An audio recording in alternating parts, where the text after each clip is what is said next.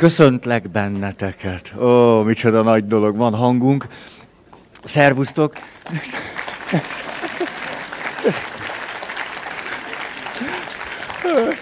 Ilyen még sose történt, hogy, hogy tapsoltatok volna az elején. Köszönöm.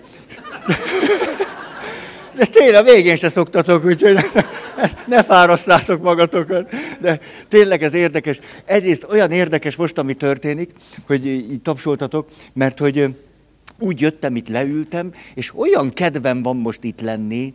Jó, tényleg, tényleg úgy jöttem, hogy de jó, találkozunk, tá, hogy sok minden van bennem, na talán még a felét el is tudom mondani, hát ha nem nagyon zavartok, és, és hogy a jó, jó kedvel jöttem ide, és egyáltalán nem biztos, hogy úgy van, ahogy mondom, de nem egyszer tapasztaltam azt mondjuk, hogyha jó kedvel érkezem, akkor valahogy ez tud találkozni a ti jó kedvetekkel. Csak azért, mert tényleg még soha ilyen nem volt. Hogy... És ez egyébként olyan régóta az eszemben van, hogy mondjam nektek, mert ugye általában úgy szokott lenni, egyébként, hogyha máshova is megyek, hogy egy előadásnak a végén taps, taps van. Itt meg sosincs, vagy csak olyan nagyon gyér. De, de, de tényleg, de várj, de, de, de, de, de, de, de, de, de, de, de,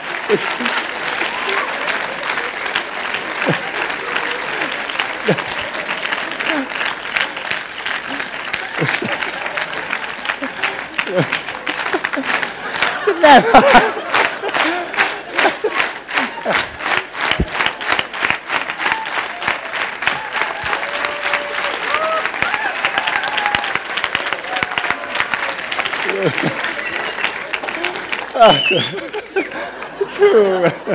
De hát én tényleg itthon vagyok. Hát ez óriási. De hogy pont azt akartam mondani, hogy, hogy egyébként, akik esetleg nem voltatok itt 10-14 évvel ezelőtt, hogy, hogy egyrészt nem tudom, hol voltatok, de mindegy, most ne, ne bolygassuk a múltat, de hogy nem egyszer elgondolkoztam ezen, hogy tulajdonképpen miért is van ez így, és azért van így, csak mondom egy picit a történetünket, hogy már olyan is van nekünk egy 15 éves történet, hogy hát mikor voltunk 20 meg 60-an, meg 80-an, ilyen családiasan voltunk. Egy ilyen családias, beszélgetős, előadós, alkalmas, minden után nagy eszem, iszom, dínom, dánom, tánc, meg a többi volt. Hát valahogy ez, ez nem egy előadás volt, amit bárki megtapsolt volna mint amikor van egy jó beszélgetés, ott valaki mond egy jót, akkor se tapsoljuk meg, hanem, hogy, hanem hú, ez érdekes, és tovább szőjük, és a többi. És hogy ezért történt, azt gyanítom a mi kultúránkban, hogy nem, nem volt taps 13-14 évig, és nyilván, hogyha valaki először jön, vagy, vagy valami ilyesmi, akkor olyan ösztönösen úgy elkezd het tapsolni, hogy miért azt nem értem, de hogy valami rossz reflexből, és akkor, de hogy ezért van ez velünk így. És tulajdonképpen nem zavar, meg lehet, hogy, lehet, hogy nem, nem, nem, nem. Nem, mert ezen gondolkozom, hogy ez zavar-e vagy nem. De hogy meg valószínű, hogy az imádság is, hogy, hogy valahogy az, az, az is úgy bennünk volt, hogy nem, nem tapsal fejeződik be, hanem valami, valami többel, mint ami itt, nem tudom, ami én vagyok, vagy akármi. Szóval valami többel. Na, jó van, tik, tik, tik, tik. Akkor és aztán még egy dologra gondoltam, hogy nem biztos, hogy mindig megfelelően találom el az arányokat. Arra nézve, valaki először van, másodszor, harmadszor, negyedszer, és hogy úgy elég jól érthető-e. Mindig szoktam egy pici bevezetőt, meg egy kis ismétlés, azért, hogy minden alkalom önmagában is megálljon. De kétségkívül azért, hogyha jól akarjuk használni ezeket az alkalmakat, inkább valahogy ciklusokra érdemes jönni, talán hogy akkor úgy egy nagyobb rálátásunk van, van eleje, közepe, vége. Na most, na most, hol vagyunk? Sémákról beszélünk. A sémák gyerekkorban alakulnak ki. Érzések, gondolatok, emlékek, fizikai állapotok kapcsolódnak hozzájuk. Mikor kialakul, valami nagyon pontos valóság észlelés történik. Mondjuk elhanyagolnak engem, és ezért én bennem kialakul egy séma, hogy értéktelen vagyok. Tehát amikor a séma kialakul, akkor valami reális tapasztalatból indul ki, igen ám, de ez a személyiségemnek az alapjaihoz, a struktúráihoz kezd el kapcsolódni, és ettől kezdve ez a struktúra ott is hat és működik, és ezen a struktúrán keresztül észlelek, és látok, és tapasztalok, és fedezek föl, Miközben lehetséges, hogy az a helyzet, amiben én vagyok, köszönő viszonyban sincs ezzel a struktúrával. Vagyok egy helyen, ahol nagyon is értékelnek, de én ezzel a struktúrával vagyok, és akkor belelátom, és fölnagyítom, és kiprovokálom, és létrehozom ezeket a helyzeteket, amelyek a struktúrának felelnek meg. Tehát előszeretettel igyekszem az egész valóságot a saját sérültségem képére és hasonlatosságára formálni. Nem gyógyulni, hanem pont fordítva csinálni. Igazolni, hogy tényleg ez a megélés, hogy a világban vagyok, és látom magamat, és a másikat, a kapcsolatot, az a reális. És erre nem rátok rá, ezért vagyok rosszul. Mikor már rálátok, akkor is rosszul vagyok, de legalább látom. És az emberi természet olyan szokott lenni, hogy ha valamire rálátok, akkor valahogy emiatt kezdek jobban lenni.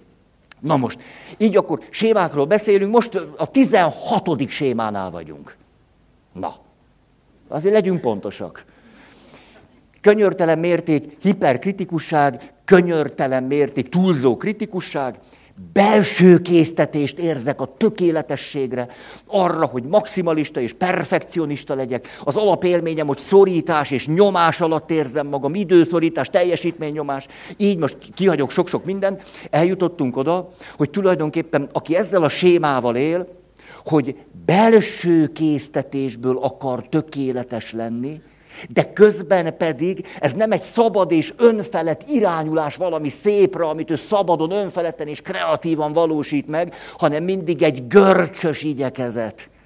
Egy fájdalmakkal, sebekkel teli, nem szabad törekvés, amiben mindig ott van az, hogy a maximum a minimum, a minimum meg semmi. A 99 százalék már nulla, és attól kezdve minden nulla. Hát így azért nem olyan könnyű jól lenni. És ezért mindig van valahogy ebben a teljesítésben, abban, hogy valami születik általam, valami rossz eh, szájíz, valami keserűség. És a keserűségnek mi a lényege? Hogy mindig ott van valamilyen, hogy ha és a ha után az van, hogy na, ha teljesítek, ha teljesítek, akkor talán majd elfogadnak, és ha elfogadnak, na talán akkor majd jó leszek. Ha teljesítek, talán értékelnek, és ha értékelnek, talán. És akkor itt hozhatjuk a siker. Ha sikeres lehetnék, akkor talán az azt bizonyítaná, hogy értékes vagyok, de még nem biztos. Meg a siker mulandó, tehát akkor mindig sikeresnek kell lenni. Szörnyű. Hát ez nem csoda, hogy nem esik nekünk jól. És így elkezdtünk arról beszélni, hogy a kiégés világába ez egy igazi királyi út. Tehát itt aztán a vörös szőnyek ki van, ki van rakozgatva, szépen gurítva, és akkor ezen végig slasszálhatunk egészen a kiégés bugyráig. Ja, eszembe slassz, slasszálni. Na jó. A, ismeritek azt a viccet, hogy megy az idős néni, hát a nehezen, nehezen, és azt mondja, jaj, doktor úr, nehezen megyek. Erre az azt mondja, nehezen megy. Hát ide is a saját lábán jött. Doktor úr, jönni tudok, menni nehéz. Szóval nehéz menet az ilyesmi. Megyünk, megyünk gyönyörű vörös szőnyegen, és jó rosszul leszünk a végére. És akkor így a kiégés hátteréről kezdtünk el beszélni, ami azért cifra, ezt megint csak gyorsan mondom, azért cifra, mert mindig van benne valami értékes. Mint ahogy aki ebben a sémában van, ő nem elvárásoknak akar megfelelni, belső késztetést érez. Ettől is olyan... Első, általános érvényű ideálok kritikátlan alkalmazása. Itt és most nekem tökéletesnek kellene lennem. Második, kimagasló teljesítményre törekvés töretlenül, hullámvölgyek nélkül. Következő, hivatás szerep eluralkodása minden más szerep fölött, minden természetes kapcsolatunkat beleértve. Negyedik, rutin, jó szokások, tanulás és fejlődés nélkül. Aztán a következő, szakmai környezet, ám de egy romboló szakmai környezet. Aztán a következő, szakmai túlterheltség. Ugye itt nyilván beszélhetünk arról, hogy a szakmai terhek általában egy többé-kevésbé egészséges embernek jót tesznek. Csíkszent Mihály Mihály éppen Magyarországon volt, Hát csak el kell olvasni a könyveit, hogy a flow, az áramlás élmény nem azzal van összefüggésben, hogy ez a mi kultúránknak az egyik óriási tévedése, hogy azt gondoljuk, hogy érdemes azt a három hetet várni egy éven keresztül, amikor Szabin vagyok, mert amikor Szabin vagyok, akkor elmegyek az Adriára, és ha elmentem az Adriára, akkor ó, a tengerparton majd egy gyönyörű, bérelt napernyőnek az árnyékában, a tenger susogó, hűst adó szellőjének az élvezetében fogok egy nagyon kényelmes napágyon egy koktélt iszogatni, amiben természetesen mégiscsak egy ilyen kis esernyőcske van bele tűzve, és akkor leszek jól és ez 340 napon keresztül megy benned, hogy na és akkor, na és akkor, na és akkor, na és akkor, és akkor elmész az Adriára, és mi történik? Esik.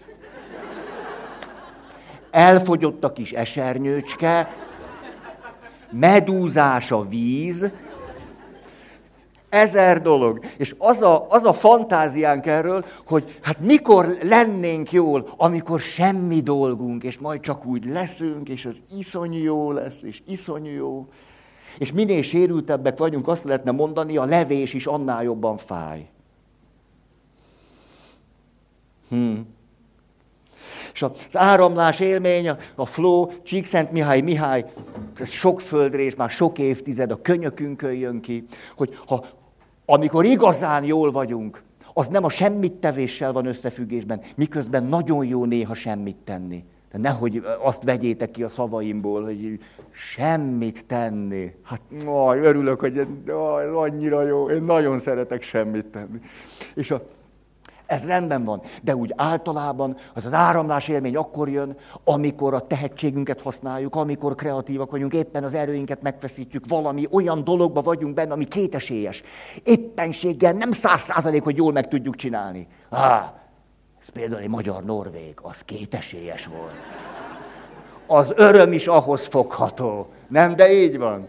Hát, hát, hát szóval, na, Na, az kétesés, meg kétesés, csígy, így, fölrobbanunk. Hát én úgy üvöltöttem, azon csodálkozom, nem jönnek be a szomszédok. Ezt azonnal hagyjam abba. De úgyse hagynám abba, tehát tulajdonképpen bölcsek. A... Tehát, hogy ez az áramlás élmény éppenséggel nagyon is jó barátságban van a szakmai kihívásokkal, de nem a szakmai túlterheltséggel. Azzal nem. És akkor az utolsó pont ez volt, hogy Hát azt hiszem pont így nem mondtam, sebzettségeink, gyógyulatlan sebzettségeink, emlékeztek, személyiségfejlődés zavarai, kezeletlen, gyógyulatlan zavarai. És itt mutattunk valamit, Á, nagyon köszönöm itt, hát ez már tulajdonképpen egy nemzeti színnek is föl tudom fogni. Tehát abból kezdődik, hogy van valamilyen seb, és akkor azzal a kedves gondolattal ajándékoztalak meg benneteket, hogy lehetetlen, hogy ne legyen sebünk. Nem, nem. Hát főleg, aki itt van. Na ne, ne már. Tehát egész biztos, hogy van, és akkor csak, hogy is mondjam, az emberi méltóságunk okán mondom, amit mondtam nektek, az egyik legnagyszerűbb teológia professzor, azt mondta, néha sóhajtott egy-egy nagyot, azt mondja, az élet akkor kezdődik, amikor az ember a halálos sebet megkapja. Nem akkor végződik, na ott, ott történik valami igazán, mert akkor találkozunk az élet drámaiságával. Az ember az élet drámaiságára tud valami, valami, valami jó választ adni. Na ott az élet. Na szóval. Seb. A második lépés, hogy a sebbel történik valami, hát vagy elhanyagolom, vagy kezelem, vagy gyógyítom, valamit csinálok, most mi nyilván egy olyan folyamatot nézünk, megsebesülök, magzati kortól kezdve bármikor lehetséges, van, akinek több sebe is van, van, akinek több halálos sebe is van. Nem csak gyerekkorban lehet megsérülni. Tehát sebek, elindul egy valamilyen gyógyulási folyamat, már most itt nézzük, hogy ez valami jó dolog, és nagyon gyakran az történik, hogy meggyógyulok. Ez jó. Jó, és ide hoztuk például, általában például a fizikai sérülésünk sérüléseink nagyon gyakran meg tudnak gyógyulni, és attól kezdve köszönöm, jó, jól vagyunk. Múltkor emlegettem nektek, nem is tudom, miért jutott eszembe ez a, mikor mononukleózissal feküdtem a kórházba. Nem emlegettem nektek? Most akkor emlegetem. Maradandó élmény. Mononukleózis, csókbetegség.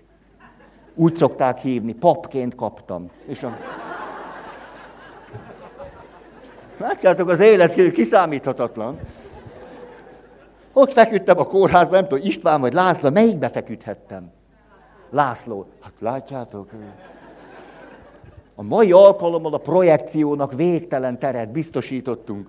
Tehát akkor a Lászlóba, ott feküdtem, és akkor egyszer csak nyílt az ajtó, bejött a doktor úr, hát nem akár, nem csak, hogy doktor úr, az egészségügyben milyen doktor urak vannak, főorvos úr, professzor úr, és mögötte olyan 30 medikus meg medika.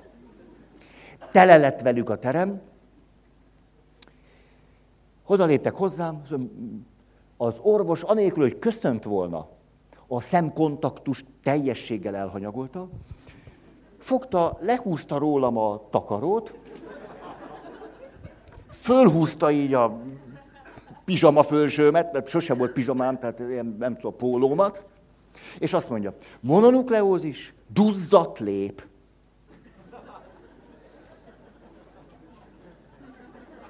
És akkor nyomkodta egy kicsit.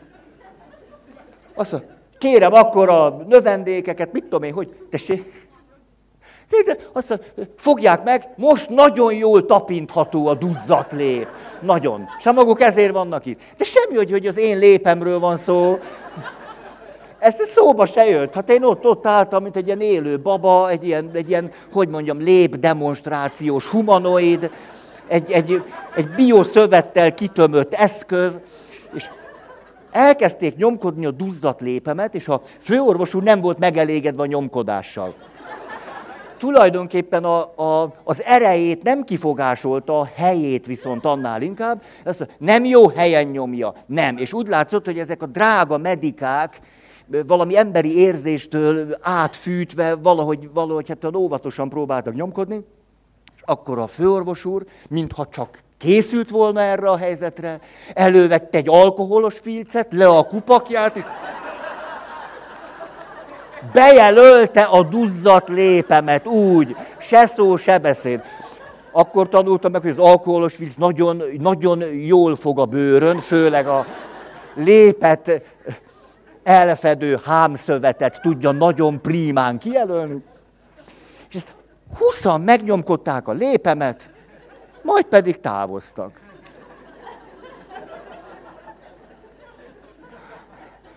És ez így. Így ez. Ugye 5-6 perc alatt lezajlódott, és én azóta is ebből élek. Tehát,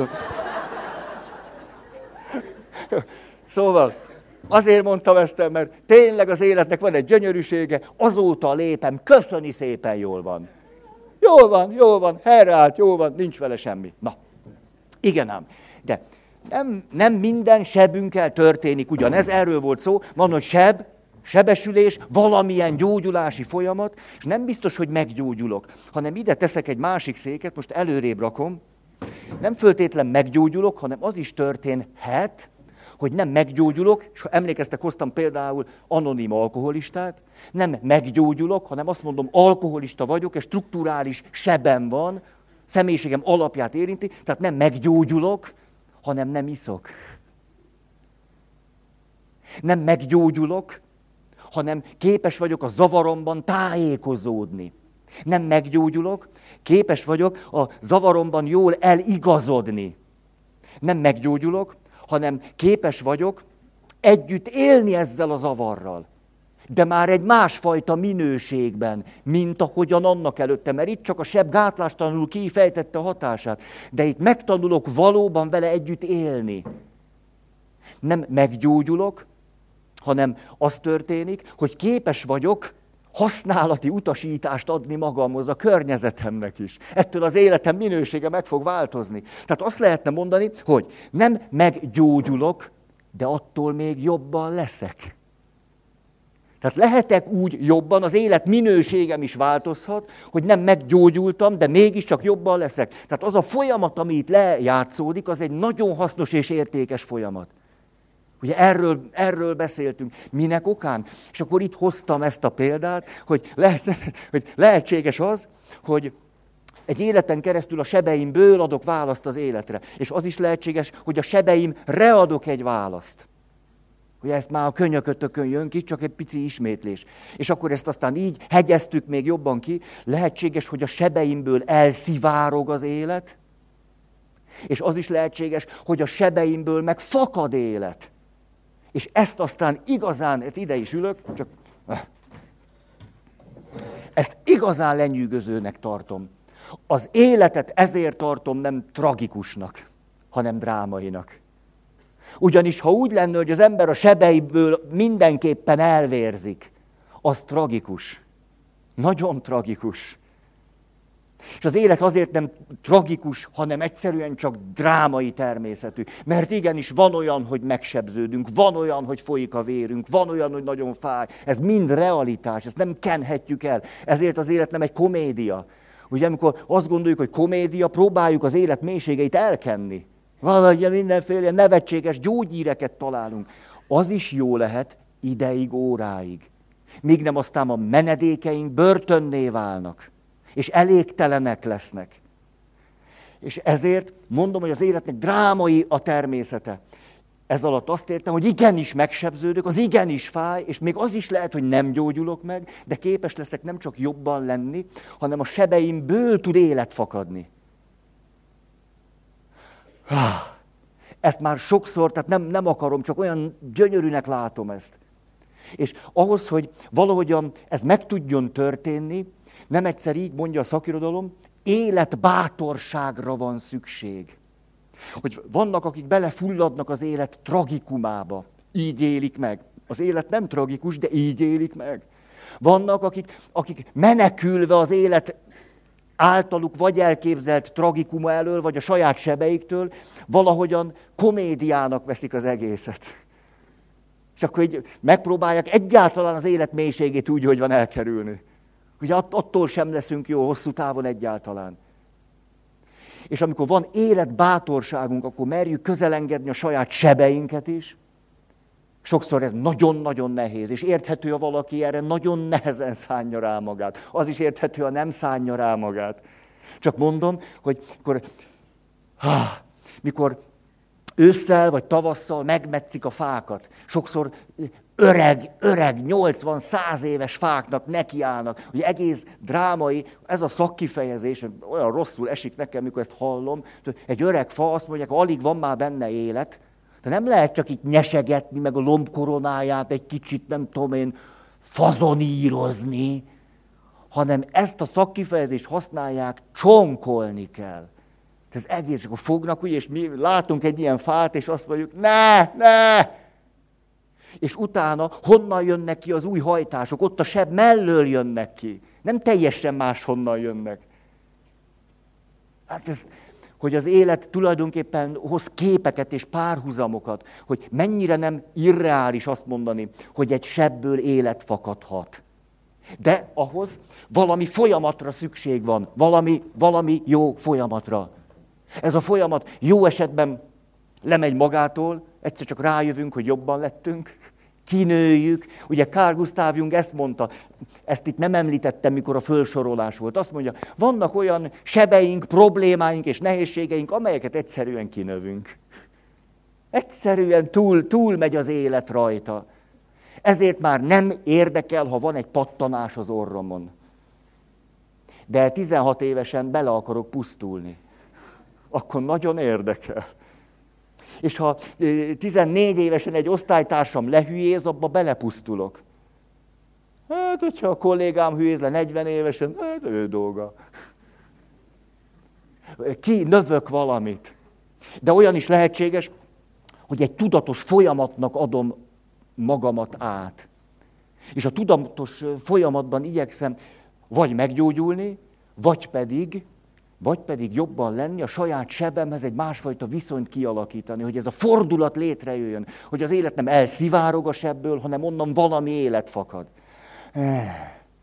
És ezt akarnám most egy picit itt részletezni, egy kicsit olyan iskolásan is, olyan lépésről lépésre szeretnék mutogatni nektek dolgokat. Ezért néha belenézek majd a jegyzetembe, hogy valahogy az, az van bennem enyhe maximalizmussal, hogy semmit nem akarok kihagyni, és persze legyen tökéletes. Hogy képzeljük el, hogy ez a seb, most ezt elrakom minden, ez a seb valamilyen veszteség. Hát, mondjuk elvesztem a kulcsom. Az egy veszteség.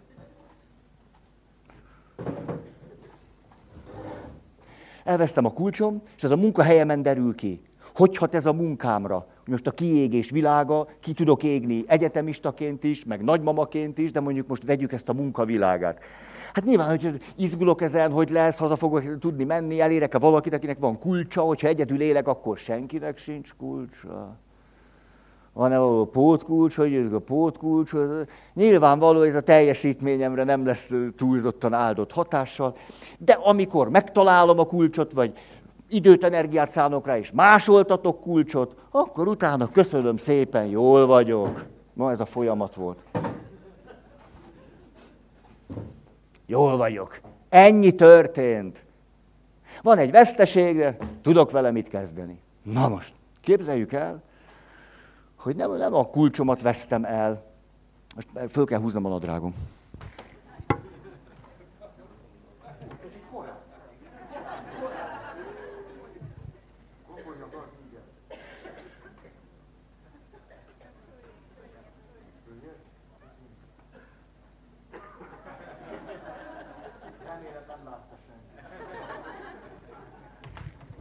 Képzeljük el, hogy ez a veszteség nem egy, nem egy kulcs elvesztés, amivel jó, hát akkor valamit kezdek, hanem egy valódi, mélységesen komoly veszteség, meghal valamelyik szerettem, valamelyik családtagom. Meghal apucím, vagy anyucím. Valakit, valakit elvesztek. Akkor elkezdődik egy folyamat. Amíg most mondjuk így egyszerűen a gyász feldolgozás folyamatában vagyok, hát ez nyilván kiad a munkavégzésemre. Kevesebbet tudok teljesíteni, nem megy úgy, nem is tudok odafigyelni. Hónapokig mindig, mindig ott jár az eszem, hogy mi volt apuval, vagy anyuval. Elragad engem a neurotikus bűntudat, mit nem tettem meg, mit kellett volna, mit csinálnék másképpen. Ha, most nem a, nem a gyászról akarok beszélni. Most hogy van. Hogy most néztem egy egész van olyan kalapács, ami nem jön vissza. Tudja, kalapácsot is akkor mindig visszaüt, ugye? Mert megnyomsz egy pontot, visszanyom, ugye, fizika. De csinálnak olyan kalapácsot, hogy ott marad. Azért, hogy az ügyetleneket ne verje fejben. Komolyan. De, hát mondjuk egy nagy gumikalapács, képzeld el. Nem csak kis kalapács van, hogy nem tudom, mint a, ké, hogy mondják, aranyművet, mondjuk képzelj egy építőmérnököt, fog, és az visszajön, azért nem olyan kellemes. Szóval, van itt akkor egy folyamat, a gyásznak egy folyamata, eltart egy évig, eltart kettőig, háromig, egy komoly veszteség, teljesen normális, ha három évig is eltart.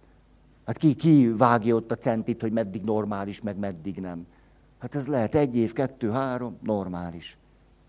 És a végén megtanulok együtt élni az élettel, úgy, hogy te már most nem vagy benne, abban a formában, vagy azon a módon, ahogy eddig voltál. Például szerintem, a, amikor a szeretteink meghalnak, az nem egy probléma nem lehet problémaként megoldani. Én nem tudok elképzelni olyat, hogy valamelyikötök idejön az előadás után, és azt mondja, Feri, ez nagy tévedés, mert szerintem a halál egy probléma, és ez a megoldása. Mi? Szerintem a halálra nincs, ez nem egy probléma, amit valaki megold, és akkor, akkor utána ugyanolyan jól van, mint volt. Hogy tudnánk ugyanolyan jól lenni? Nem az élet drámaiságával találkozunk, és például a halál valami olyasmi, ami után az élet sosem lesz pontosan ugyanolyan, mint volt. Soha. Minél inkább olyan valakit vesztettünk el. Ezért a halál nem egy probléma, vagy nem egy olyan seb, ami úgy gyógyulna meg, mint a lépem. Ez úgy sosem fog meggyógyulni. Ezért itt lehet valakikben egy naivitás, hogy most a halált egy problémának látom, és akkor az, az, az, kiverekszem magam belül, és köszönöm szépen, megint jól vagyok. Szerintem ez irreális. Olyan van, hogy átélem annak a drámaiságát, hogy valaki nem lesz többet itt a Földön. Valaki, akit szeretek, és aki szeretett engem. Hogy ez a veszteség itt a Földön maradandóvá vált. És, és hogy mitől drámai? Szerintem attól, hogy a szeretet nem elég erős ahhoz, hogy valaki ne halljon meg. Ettől nevezem drámainak. Hogy nem, de úgy van velünk, hogy sokszor hajlandók lennénk a hősiességre is. És azt mondanánk, mi, mindent oda akarnék neked adni, csak hogy élhess. Ezt nevezem szeretetnek. Hogy mindent odaadnék, és hiába adsz oda mindent, akkor is meg fog halni. Ő is, meg én is, meg ezt nevezem drámaiságnak amikor a szeretet sem elég, hogy valaki életben maradjon. De közben pedig ez nem azt jelenti, hogy amikor történik a veszteség, itt van egy folyamat, hogy akkor semmi, csak a pusztulat maradna. Dehogy is. Mert ha nem problémának látom az élet drámaisága, azt mondom, most ha vagytok itt egy páran hívő emberek, akkor azt mondanám, itt ez nem egy probléma, aminek megoldása van hanem az élet drámaisága tárul föl, és nem megoldás kell rá, hanem megváltás. Ez mondjuk egy vallásos válasz, vagy egy, egy hívő kifejezés. De mindegy is, hogy valaki hívő vagy nem, talán ez a szó kifejezi azt, hogy valamilyen másfajta választ keresünk ilyenkor. Nem a megoldást, mert nincs rá megoldás. Mint ahogy azt mondjuk, hogy valamire nincsen gyógyulás. De tudok jobban lenni. Ja, Pilinszki olyan gyönyörűt mondott, ő ezt mondta, hogy ó, hát a pszichológusok, a pszichológusok azt hiszik, hogy az életben problémák vannak, és megoldásokra van szükség. És akkor ő azt mondta, az életben, azt hiszem azt mondta egyébként tragédiák vannak, de most ez mindegy is, most ne, szóval, hogy tragédiák vannak, és irgalomra van szükség. Hát valami más, más természetű válaszra. Na most, Képzeljük el, hogy te egy három éves folyamat során itt vagy, és valahogy, valahogy kapcsolódni tudtál, vagy az irgalomhoz, vagy a megváltáshoz, valami újjászületéshez, valamihez, és attól kezdve tudsz megint élni. Élni. És ebből a sebből is valami élet tud fakadni. Például attól kezdve jobban értékeled az életet, hogy jobban értékelsz másokat. Vagy, hogyha valaki egy veszteségben van, tudsz jóval együttérzőbb lenni akkor azt jelenti, hogy pontosan ebből a sebből fakad valamilyen élet. Neked is, mert rád is hat az, ahogyan elfogadóbb lettél. Ahogyan, ahogyan türelmesebbé váltál, vagy megértőbbé és együttérzőbbé, ettől az élet neked is jobb lesz. Emberibbé váltunk. De másoknak is, és a kapcsolataink is mélyülnek, és ez megint visszahat ránk. De képzeljük azt el, és most itt kezdem el kavarni. Képzeljük el, hogy ez nem három év, hanem harminc. Valaki elakad a gyászmunkába. Minduntalan valami megoldást keres, és az nincs. És nem talál másra. Elakad, és képzeljük el, hogy ő egy, egy munkavállaló, és azzal, azzal a fájdalmával él, hogy gyász és gyász és gyász. És mondjuk vannak munkafolyamatok, amikor valahogy optimistán, lelkesedve kellene kivitelezni valamit. Hát ő neki nehéz lesz. Hmm. És szivárog el belőle az élet 30 éven keresztül. Ez nem volna törvényszerű, de ő vele ez történik. Azon a seben keresztül megy el az élet. Miközben valaki ugyanúgy át szenved egy ilyen veszteséget, nem kisebbet, nem nagyobbat, és három év múlva neki abból a sebből elkezd élet fakadni. 30 év, és ő egyre gyengébb és rosszabbul van, a másik ugyanazzal a sebbel pedig valahogy... És mind a kettő realitás. És nyilván azért beszélünk, hogy hogy lehetséges az, hogy a sebeinkből akkor élet fakadjon. És akkor mennék tovább. Igen. Ez akart egy ilyen pici valami lenni. Most hoznék egy példát, egy nagyon egyszerű példát. Képzeljük el, hogy van két személy. Ez vagyok én. Ez a főnököm. Egy terapeuta mesélte nekem, de erre innom kell. Mindig, mikor kimondom ezt a szót, akkor terapeuta, akkor kiszárad a szám. Hmm. Azt mondja, hogy pályakezdő volt, és pályakezdőként, hát a lelkes volt, emlékeztek, romboló szakmai környezet, vagy inspiráló szakmai környezet. Szóval, hát egy pályakezdő fiatal segítő volt, és hát tele volt lelkesedéssel, ötletekkel, minden. És hát volt egy olyan, tulajdonképpen nem ez a lényeg, de mégiscsak egy koros főnöke. Nem kóros, hanem koros. Koros, hát úgy már olyan 60 körül. Emlékeztek, biztos láttatok már számtalan olyan amerikai filmet, amiben a zsaru egy hónap múlva menne nyugdíjba. Ugye a zsarut úgy hívják, hogy mondjuk Bruce Willis.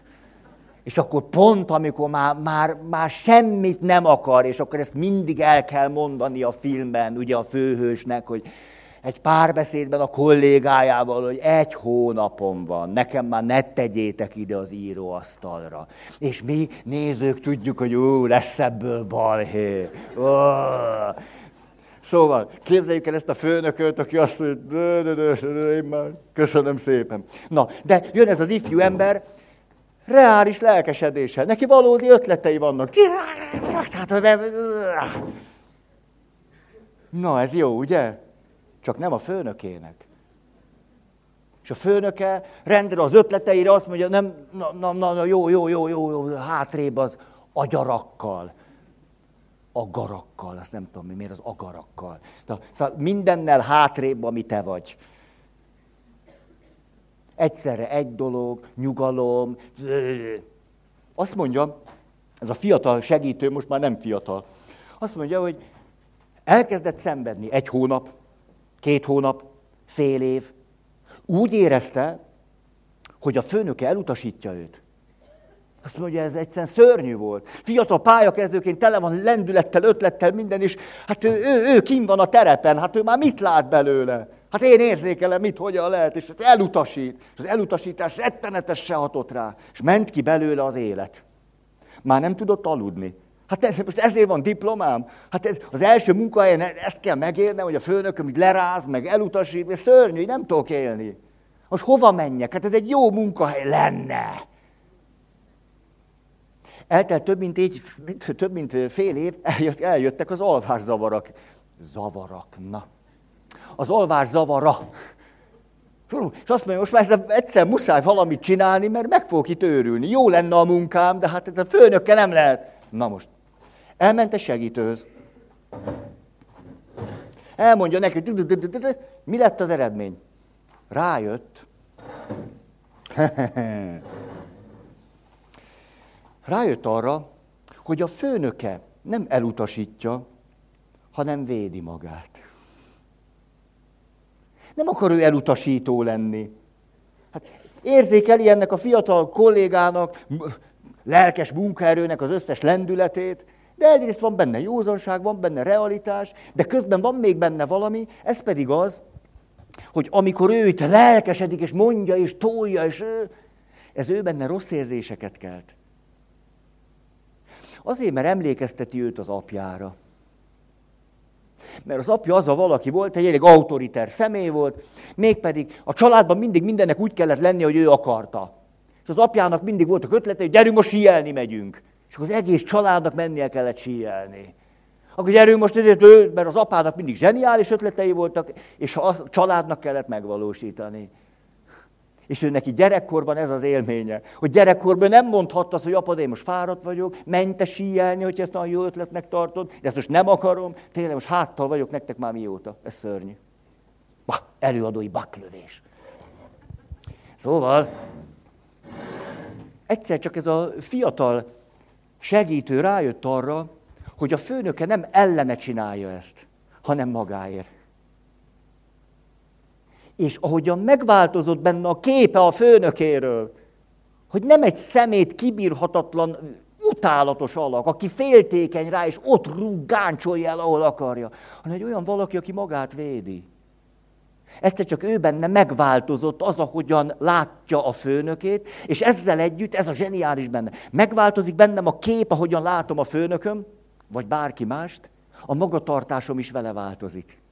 Pusztán azáltal, hogy máshogy látom. Megváltozik a magatartásom a nélkül, hogy különösebben meg akarnám változtatni. Há. Azt mondja, ettől kezdve leálltam az ötletparádémmal, mert rájöttem, hogy csak egyre nagyobb ellenállást váltok ki belőle. Ezért jól megfontoltam, hogy melyik az az igazán nagyszerű ötlet, havonta egy ötlettel álltam elő. Akkor viszont azt elég jól kidolgoztam, sok érvet hoztam hozzá, bele számítottam a főnökömnek a félelmeit és rossz érzéseit, és a havi egy ötletemet általában el is tudta fogadni. Most képzeljük azt el, hogyha ez nem így történik, akkor van két ember, akinek egy csomó energiája feleslegesen megy el. Elvileg a munkahelyen dolgoznak. Csak hogy, és akkor most megyek itt a lapom szerint, hogy azt mondja, főnököm, igen, el, igen, el, igen, el, jó, igen, jól van. De fontos, hogy én tudjam, hol tartunk. A... Rengeteg energiám elmegy arra, hogy ebben a helyzetben valamit csináljak. És tulajdonképpen sokféle dolgot csinálhatok. Mi az élményem? Hogy a főnököm elutasít. Ez miért, miért jön nekem elő? Mert van egy gyógyulatlan sebem.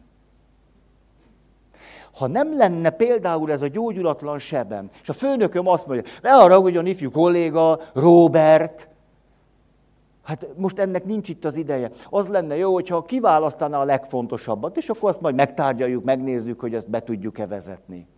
Akkor, ha én itt ezen a területen nem lennék sebzett, az, ha, milyen nagyszerű együttműködök a főnökömmel. De én nem ezt hallom. Nem azt gondolom, hogy a főnököm megvédi magát, nem azt gondolom, hogy itt valami jó dolog történik, hanem, hogy megint elutasítanak. Ez a kult szó, hogy megint. Mert van egy gyógyulatlan sebem, ez pedig az, hogy mondjuk egy sok gyerekes családban nőttem föl, apámat sose láttam, mert dolgozott a családért, anyámat láttam, csak nem ért rám. Tehát apukám fizikailag nem volt elérhető, anyukám meg érzelmileg. Ezért az én gyógyulatlan sebem, hogy a számomra fontos személy, esetleg főleg egy tekintély személy, se fizikailag, se érzelmileg nem érhető el. És amikor a főnököm egyszerűen csak azt mondja, ne arra ugyan Robert, de ezt, ezt nem, akkor én nem ebben a helyzetben élem meg magam, hanem abban, amikor itt vagyok egy pici gyerkőc, és megkérdez, hogy apa, apa, apa, játszol velem? Hogyan, fiam? Hogyan már, fiam? Már gondolod, ráérek, hát lopom én a napot. Hát akkor válasz, jó, jó, látom, most írsz. Jó, akkor döntsd el, hogy vacsora kell, vagy focizunk. Ennyi. Megyek anyához, anya, anya, akkor mesélj nekem. És akkor anyukám, hölgyem, hát látod, hogy hullafáradt vagyok. Szólok a nővérednek, majd ő mesél. Hát aztán tudjátok. Emlékeztek erre? Volt egy édesapa, nagyon fárasztónak tartotta azt, hogy a gyerekeinek este mesélni kell. És sétálgatott, volt egy szabad órája, nézegette a kirakatokat, a könyvesbolt kirakatába, egyszer csak fölfedezett egy könyvet. A könyvnek ez volt a címe, egy perces mesék. Erre az apa csettintett, azt, ez kell nekem. Hú, egy perces mesék. Na, van valaki, tudja, mire van szükség a férfinek mánha apa.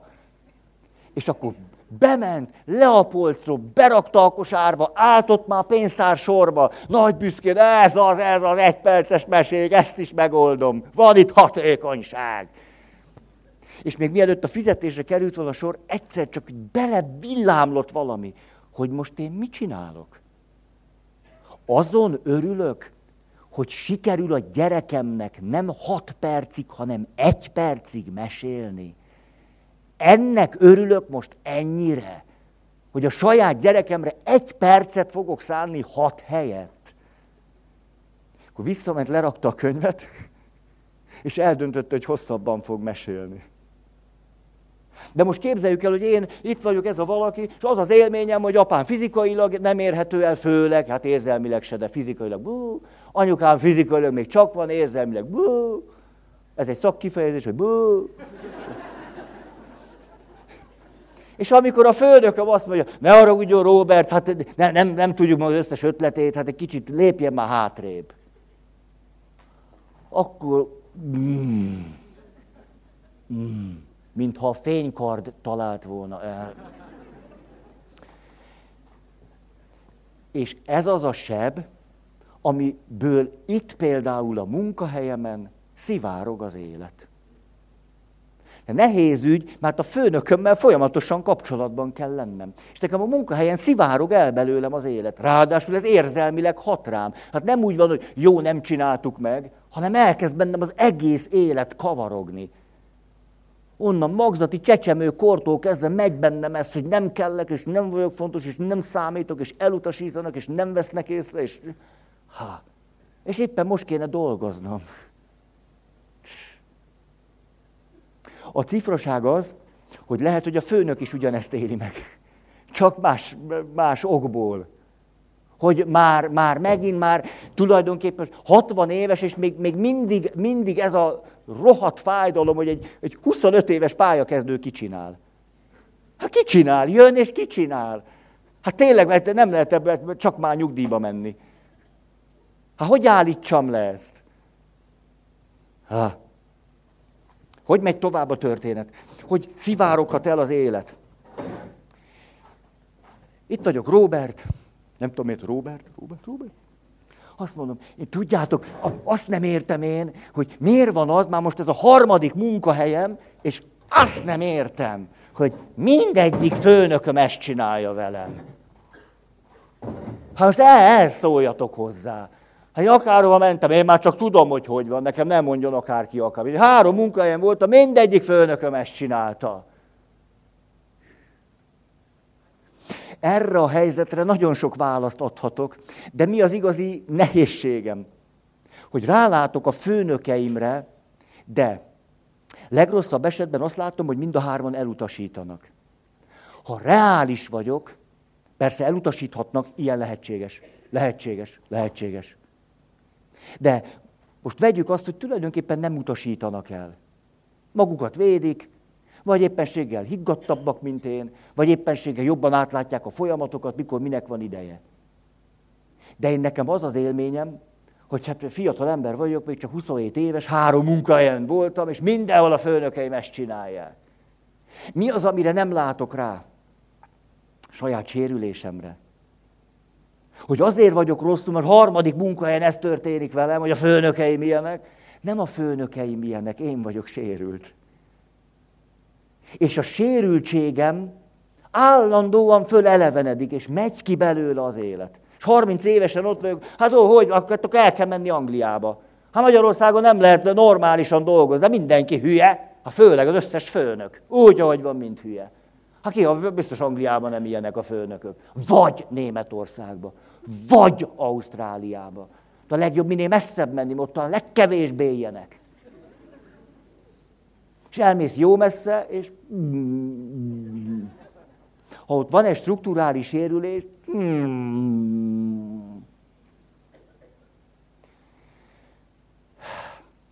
tartottam egy előadást vidéki városba.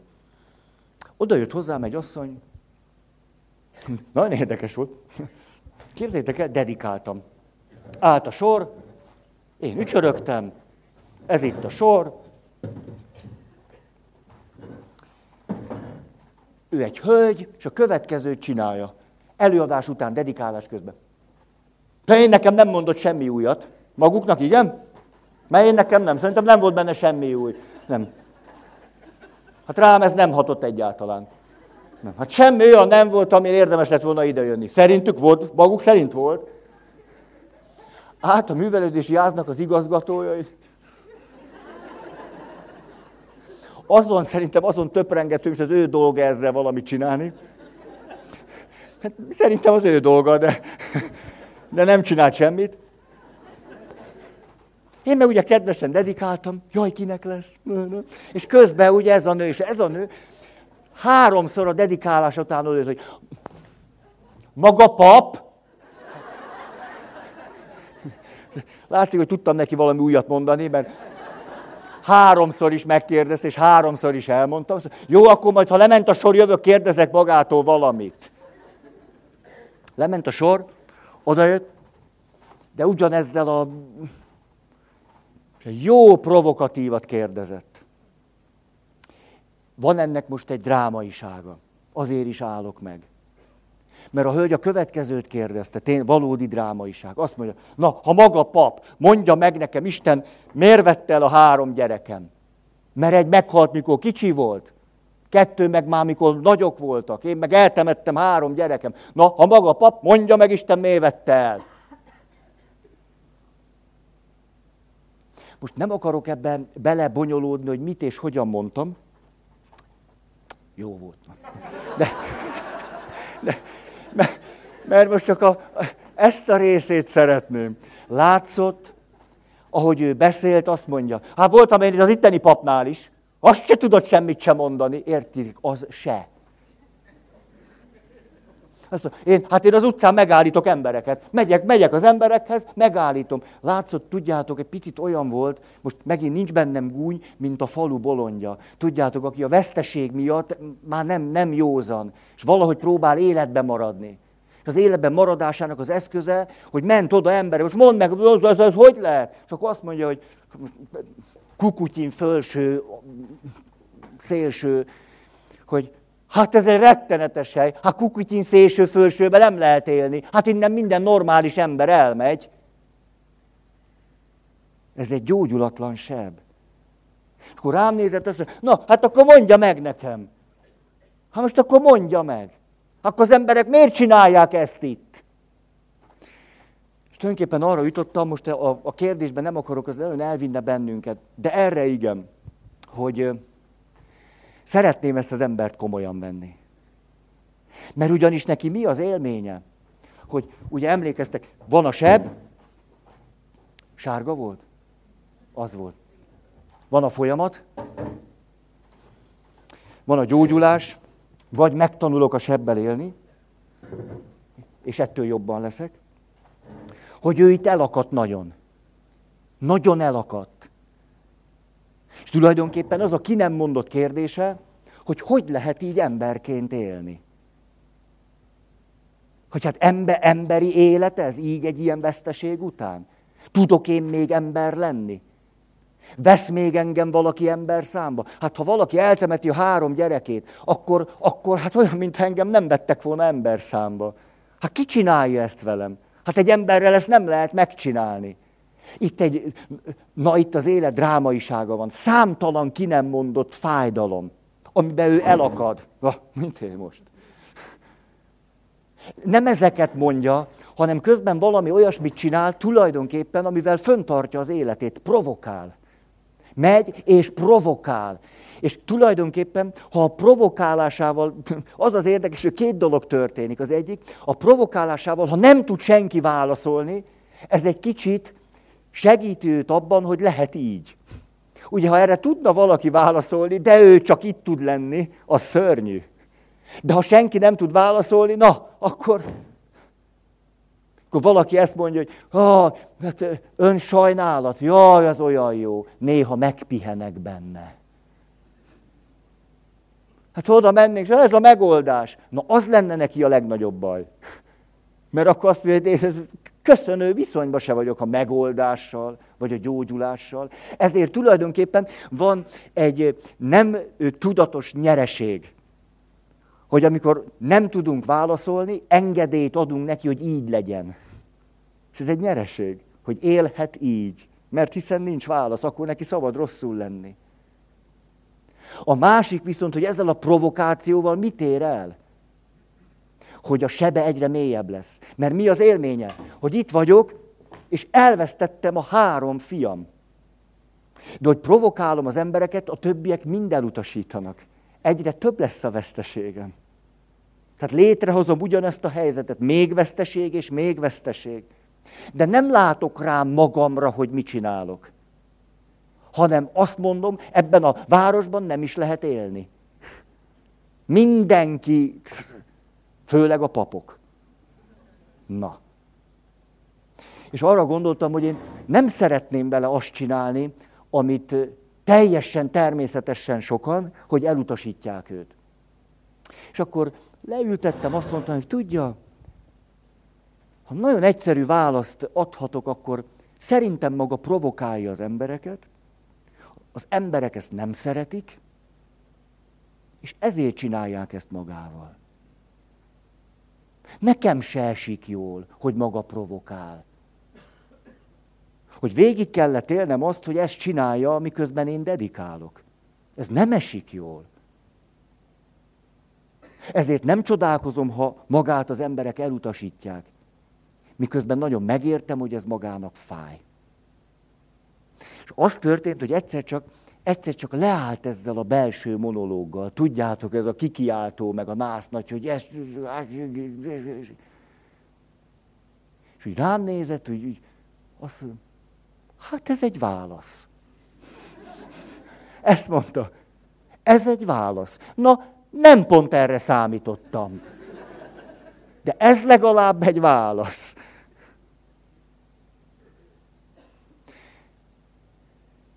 Azért akartam idehozni ezt. Itt van ez a hölgy, Kukutyin alsó szélsőben él. Nem lát rá saját magára. A sebeiből elfolyik az élet. És mindenről azt gondolja, hogy az összes ember a föld hátán olyan, mint az a főnök, aki elutasít. Nekem van egy veszteségem, és elutasítás, elutasítás, elutasítás. Hát itt nem lehet élni. A sebeinkből, tehát kisebb-nagyobb mértékben, ha egyáltalán nem látunk magunkra, és egészségedre, és nem tud egy jó folyamat elindulni, akkor például ezen okból kifolyólag elszivárog az élet. És minden, amit csinálunk, tulajdonképpen nagyon hősies, és nagyon becsületre érdemes. Arra jó, hogy valahogyan túléljük. Valahogy. Provokálással, vagy főnökök szídásával, mm, valahogy. Egészségedre. Hát, ha. Na ez például gyógyul. Ugye, már nem, nem a szemére mondom, hogy ez, hanem a, a nátha. Na, ez már nem biztos. Ez a krónikusnak hangzott. Jó, megyek akkor tovább. Aha, mi a következő lépés? Olyan, ez a rejtett kényszerességem most előtök. Ugye itt úgy éltem meg, itt vérzek, ez a sebem, úgy éltem meg, hogy az összes főnököm elutasít. Három helyen voltam, mindenhol csak ugyanazt kaptam. Hát a kicsit sehol nem hallgatják meg. Ez itt a tempó, a módszer. Fogja be a száját azért, mert pályakezdő. Hát a helyzet hogy tud rosszabb lenni? Ugye hát ezt dolgozzuk ki, hogy tud még rosszabb lenni, és akkor ezt élvezzük. Úgyhogy azt mondom, tulajdonképpen nem csak a főnökeim csinálják ezt velem, hanem a munkatársaim is. Hát a munkatársaim is. Aztán, hogyha eltelik tíz év valahogy ben vagyok, akkor beosztottjaim is. Hmm. Hogy szeretnék még egy lépést tenni a realitás felé. Mert most végig csak arról beszéltünk, hogy nekem egyetlen sebem van. Az elutasítottság. És ezt látom meg, vagy a főnökeimben, jó esetben többieknél nem. De esetleg, mint ez az ember, ebben a kukutyin alsó szélsőben minden ember ilyen. Nem látok magamra, megy a seb. De képzeljük el, hogy ő a főnököm, munkatársak, beosztottjaim. Heh. Főnökömmel szemben ezt csinálom. Azt élem meg, hogy ő elutasít. A beosztottjaimmal, a munkatársaimmal szemben, hogy rivalizálnak velem. Állandóan, semmi nem jó nekik, amit mondok. Állandóan belekötnek, ne úgy, miért úgy rivalizálnak. És a beosztottak kritizálnak. Akkor ez már három seb. Miért ne lehetne három sebem? Van egy az apukámtól, van egy az anyukámtól, meg mondjuk egy a tesóimtól. Nem egy nagy cucc, hogy ez összejöjjön. Hogy legyen három sebem. És ez a három sebem tulajdonképpen azt teszi velem, hogy a főnökömmel szemben ez a sebem jön elő, hogy elutasítanak, nem vagyok fontos. A beosztottjaimmal szemben a tesóimmal való kapcsolatnak a fájdalma és gyógyulatlan sebet árul föl. Azt, hogy volt mindig egy bátyám, jó megrakott engem, volt egy nővérem, az mindig kiosztott, hogy hülye vagy, és tényleg jobban tudtam, mert hát már három éve volt idősebb, tényleg mindig jobban tudta. Hát hiába kapartam én. És akkor itt vannak a beosztottjaim. Na, hát ott meg az a sebem jön elő, ez egy igazi anyaseb. Ilyenkor előjön bennem a szorongás és az aggodalom, hogy nem vagyok elég jó főnök, nem, nem tudok róluk elég jó gondoskodni, nem, nem, nem, nem tudom megérteni, hogy mire is lenne szükségük, vagy hogy tudnám őket motiválni. Hát ezt, ezt pedig meg kéne tanulnom, hogy, hogy, hogy motiváljam őket. Honnan jön a seb? Anyukámtól nem lestem el. Nem tanultam meg anyucitól, hogy kell a figyelmet máshova irányítani, hogy kell lecsendesíteni valami zúgolódást, hogy kell valamit átkeretezni, nem tanultam meg. Nem tanultam meg, hogy kell gondoskodni a kisebbekről, nem volt vele viszonyom. Hát emlékeztek, hát volt még hat tesóm, hát nem volt, nem, hogy lett volna vele. Nem, nem tudtam ezt ellesni. Ezért itt jön a szorongás és a bizonytalanság. Ezért ott vagyok a munkahelyemen, és akármelyik viszonyt nézem, valamelyik seben működik bennem. És megy ki belőle az élet. És azt mondom, hogy már most már hova menjek? Főnökeim hülyék, elutasítanak, munkatársaim rivalizálnak, ők meg állandóan kritizálnak. A helyzet ennél még cifrább. Mert ugyanis most képzeljük el, hogy ők mind egészségesek. Mind. És én jövök és nyomulok az ötleteimmel, és itt van egy igazi, egészséges, érett személyiségű főnök. És azt mondja, na ő egy nagyon értékes munkatársam, oly de értékes, kell egy ilyen valaki, aki tele van ötleteléssel. Na, meg kell őt becsülni, kicsit csak kereteket adni, és nagyszerű. Ez nem azt jelenti, hogy a sebem meggyógyult, csak hogy ebben a helyzetben nem megy ki belőle az élet, meg kapok valamennyi elfogadást. Képzeljük el, hogy tökéletes munkatársaim vannak. És akkor én rivalizálok velük, és hát be akarom bizonyítani, hogy én is érek valamit, nem csak a bátyám meg a nővérem, akkor ők ezt mindjárt higgadt bölcsességgel veszik. Azt mondja, jó, hát Robi, pattog, de hát attól még bírjuk, amit csinál. Azért jó, jó munkatárs is tud lenni, hát ez a dilie, hogy állandóan belénköt. Amit Robi nem lát. Azt se látja, hogy letarolja a főnökét az ötletparádéjával, azt se látja, hogy ő rivalizál a saját munkatársaival, és képzeljük el, hogy az összes beosztottja egy mentálhigiénés zseni. Vannak ilyenek mentálhigiénés zseni bútorasztalosok. És, a, és akkor azt mondja, hogy jaj, mikor mondtam el utoljára? Megvan a történet? Mostanában, ugye? Jó van, akkor nem mondom. Azt mondja, hogy itt van a összes zseni beosztott. És azt mondják, jó, hát a főnöknek van egy dilie, de hát egy aranyszívű ember. Egy nagyszerű pofa. Hát ez, ez, ez. Hát most, hmm.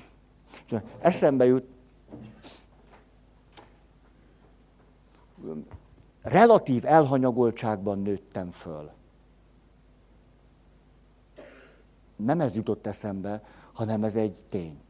És ez azt jelenti, hogy apukám pilóta volt,